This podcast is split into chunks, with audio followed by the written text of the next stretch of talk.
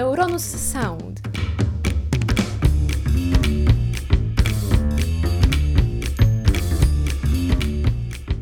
Hello, and welcome to Neuronus Sound podcast. In this episode, we have pleasure to show you the last record of our special season, marked by the Neuronus 2022 Neuroscience Forum Conference. In this episode, our special guest is Professor Lauri Nummenmaa. Our guest leads the Human Emotion Systems Laboratory at Turku Pet Center and Department of Psychology at University of Turku.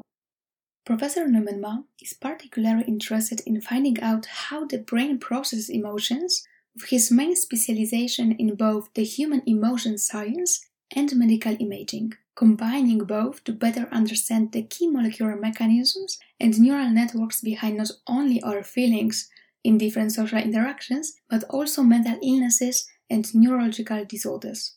If you want to know how emotions can help us survive, which emotion is getting known better and better in neuroscience in recent days, what's the most significant area of the brain to maintain long lasting and meaningful relationships, and also what's the trick to making people like you more on a daily basis, stay with us and discover the answers.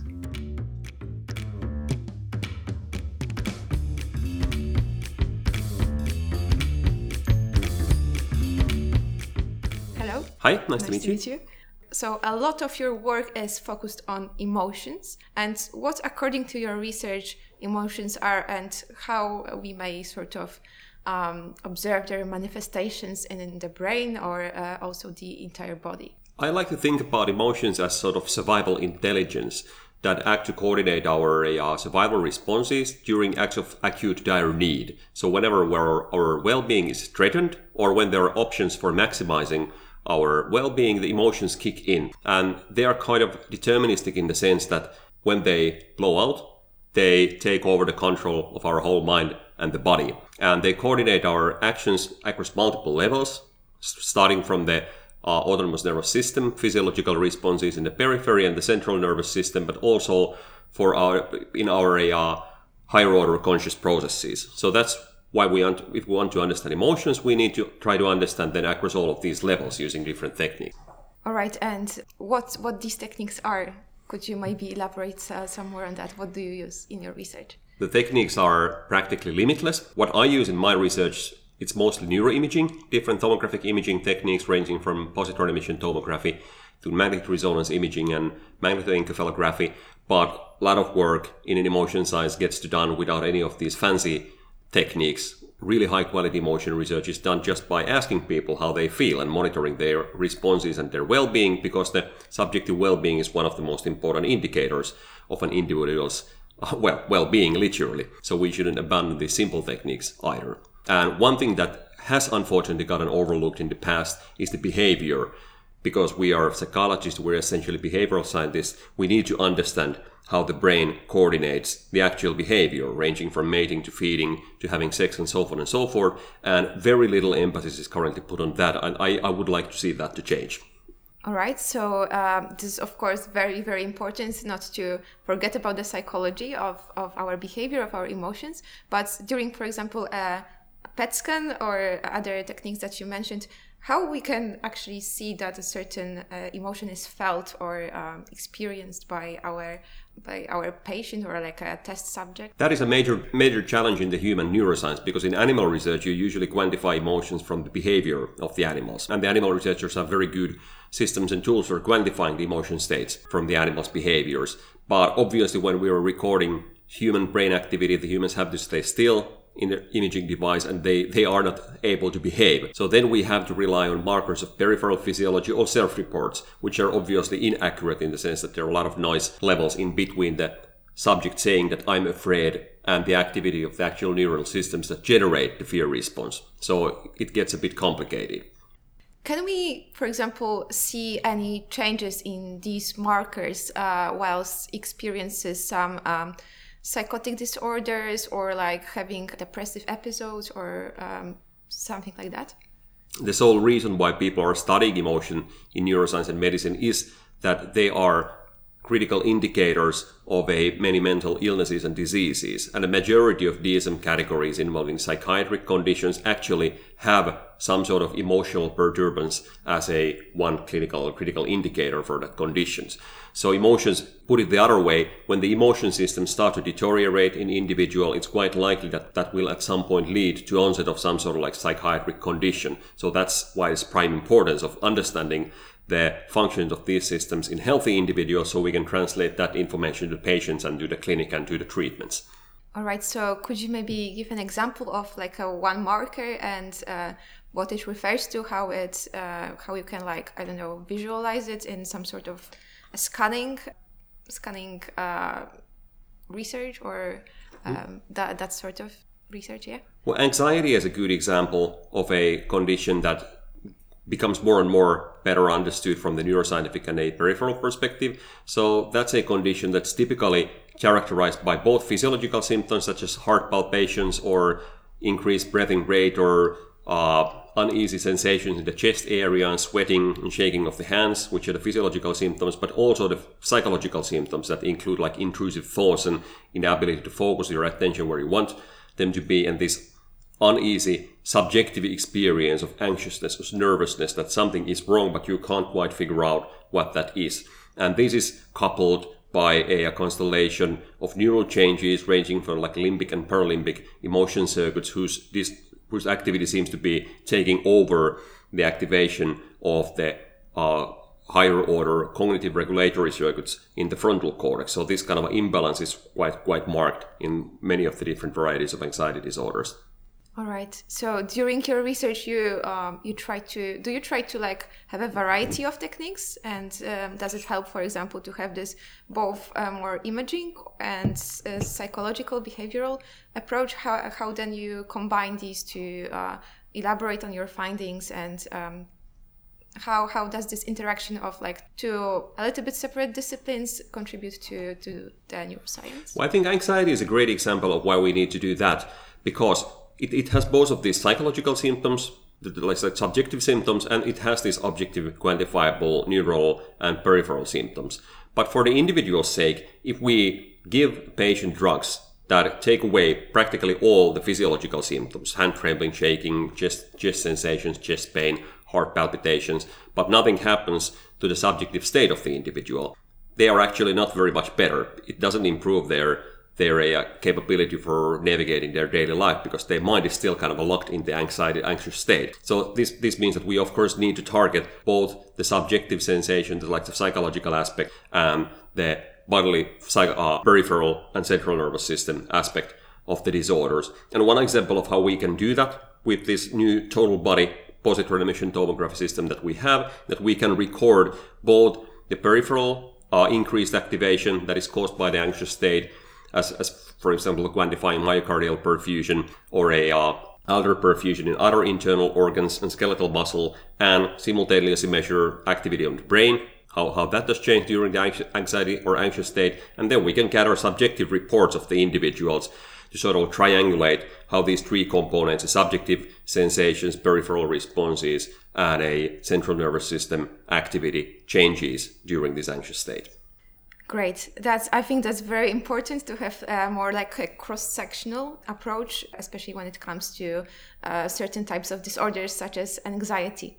Um, but apart from that, your laboratory also investigates the brain basis of social bonding, and uh, how is that humans are able to maintain um, meaningful relationships while like not seeing each other for a long time and uh, maybe not touching each other for a long time. How, how for example this uh, this touching factor this personal touch factor is is important in maintaining that uh, that relationship and uh, what other factors might come into play. So humans are quite unique in the sense that we have this long-standing and strong non-sexual bonds with other individuals of the group most of the animals, if they have any sort of bond with each other, they are aimed for reproduction. But we might feel really attached to people with whom we have like no no sort of like bonding intent or sorry uh, reproductive intent at all and to maintain these long-standing social bonds is of course critical that a we have the capacity to remember or establish some sort of internal representation of the others that we like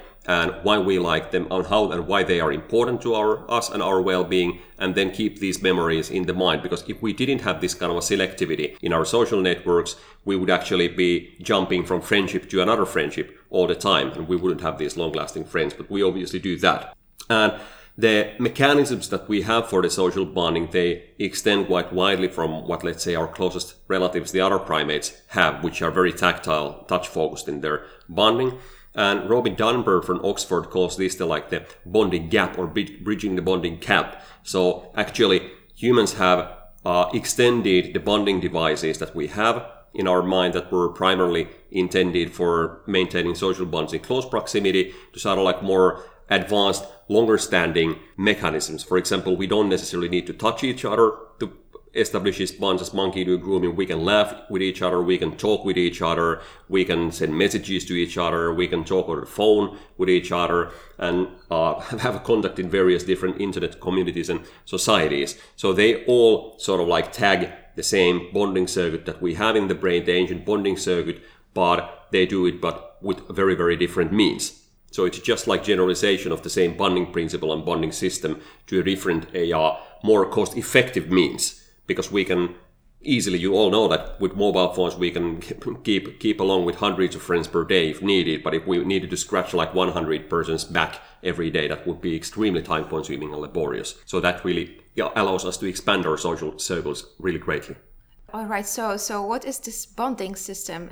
Can you maybe describe it? Like are there for example certain brain areas that are essential to this sort of behavior so there are there are both brain systems and areas and specific neurotransmitters that are involved in different aspects of the bonding behavior. And some of the most critical areas involve the striatum and then the temporoparietal regions that are involved in social, like low lower general purpose social perception. And then, of course, like the frontal cortex, which is the hub of social information processing in the brain.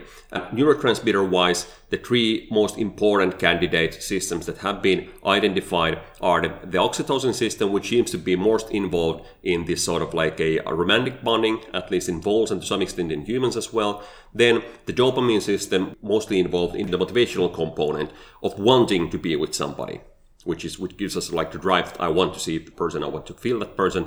And then the endogenous opioid system which is involved in generating these calm and relaxing sensations when we are with close one and that acts as a kind of a safety signal that signals to us that we are now in good company we are safe and that's also like extra motivator for meeting these people over and over and over again.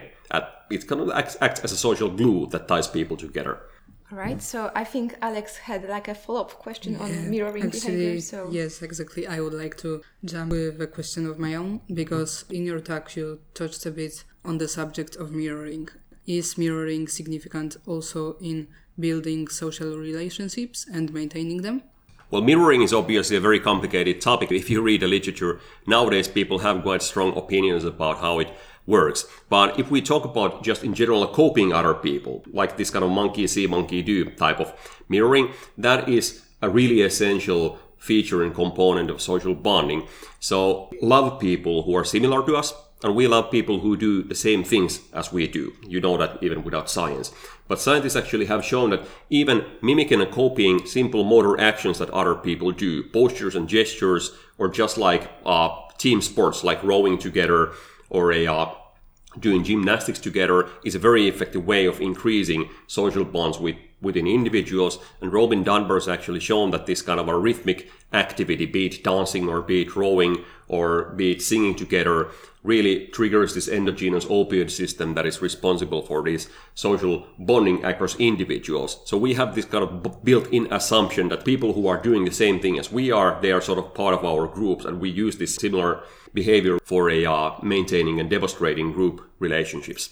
All right, so I guess from the social bonding and a little bit on the notion of mirroring, we can smoothly move into another area of your research, which is the brains of psychopaths. So, can you tell us how the brains of people who are psychopaths may differ from their counterparts when it comes to healthy human individuals? Again, these differences are observed at multiple levels. If we look at the gross brain anatomy or like mesoscopic brain anatomy, the most consistent pattern is that the psychopaths have lowered cortical density in the frontal areas that are involved in inhibition and social cognition, and then also in a parts of the interoceptive and somatosensory circuits such as insular cortex and the primary and secondary somatosensory cortices, indicating that they might actually not be that good in feeling their own emotions, like in a very, very literal sense, which might make them such cold-blooded killers as they usually turn or often turn out to be. Then there are drastic differences in the way that the psychopathic brains respond to other individual social signals and distress. If we look at just like the brain responses to facial expressions, we generally see, or other type of social cognitive cues, we generally see like significantly lowered activity in the areas that encode these signals in typical individuals, again indicating either lack of interest towards these signals or the inability to process this kind of information adequately. No matter what the explanation is, it anyway leads to aberrant, really atypical social behavior. And more recently, we have also looked into the molecular basis of psychopathy, uh, scanning the brains with a uh, positron emission tomography, looking into dopamine and opioid receptors, and we see significant downregulation in the endogenous dopaminergic system, which is one of the key neurotransmitters also involved in aggression, because aggression is all about impulses and it's all about motivation. So those are the key characteristics in these groups. Thank you very much. I think I will like slightly come back to the first part of the interview because we uh, already talked about the importance of having both like psychology and imaging taken into account while examining, for example, anxiety. But as I can read from your laboratory's webpage, apart from emotions, you are also interested in advanced statistical analysis of the neuroimaging data and how this advanced statistics might sort of help us moving from this like very psychologically based perspective to something which is very mathematical. With the analytic part that we are doing, it's a uh, first of all pertaining to the actual analysis of the imaging data, which is quite complex and demanding, and then of course like integration of the data across these multiple modalities that we are acquiring. And currently the largest challenges that we are tackling in the computational domain pertain to this total body imaging that we are doing because we can acquire uh, massive amounts of data in just like couple of minutes if we record a whole body biological circuits at the same time and we need to be able to model the different organs internal organs differently because the uptake of the radio tracer follows quite different laws depending on where it goes into the body. So that means that we have to set up quite a complex mathematical models to actually even understand the uh, uptake of radio tracer in these different organs. And on top of that, we need to set up a model that describes the interactions between these different organs during the scan and how that is accompanied with the brain brain activity changes. So that's the one thing. Then from like more classical perspective, we are quite interested in the Bayesian analysis of the brain imaging data, which is something that our statisticians are working extensively and the statistical analysis of the brains using this Bayesian framework is usually computationally quite demanding. So we also need to find clever ways or shortcuts to like make the computational demands lighter so that we can make more meaningful models with more and more data and without actually crashing the servers every every two hours. All right. Uh, thank you. I think as it is a short form of interview, we didn't like manage to go through all of your research interests, mm. but you publish a lot and do research in a lot of areas. For example, we both listened to your yesterday's talk about studies related to uh, movie perception. Is there anything you would like to share on uh, maybe what's your favorite thing to research or what's like the the greatest challenge you had to recently face or what is the future of neuroscience regarding the things that you do? I think the future that we I'm personally most looking forward to is just like going beyond the brain because we have been very successful in understanding how we should image the brain but we haven't been very successful in establishing actually reliable biomarkers for psychiatric conditions using the neuroimaging techniques. And that's that was a great prospect in when I started that we can use these fancy functional imaging techniques for actually diagnosing people with psychiatric illnesses, but that never quite fulfilled the promise in MRI. So I think we should move beyond that. And one way that we should move beyond that is obviously just not to image the brain, but also image the other organs and look at the loops, the interactive loops between the brain and the peripheral organs to understand how the changes in this whole system might be associated with various symptoms that people are experiencing. And of course, the, the biggest challenge that is pertaining to emotion science is really understanding how the phenomenological experience of emotions is brought up and brought by. We usually just like casually sort of sway it away and say that we measure what people feel and they self report what they feel, but we don't even understand how these feelings are generated and how the awareness or consciousness works. That's still one of the greatest enigmas in the psychology. And I think if we are moving away from these neuroimaging diagnostic criteria from psychiatric conditions, we should really take this not totalistic but a uh, more comprehensive account of all of these symptomologies that people might have, starting from the periphery to the brain and also to the conscious and subjective experience. All right, these are great challenges indeed. So we wish you the best of luck while while trying to answer these important questions. And once again, thank you very much. Thanks for the invitation and thanks for talking.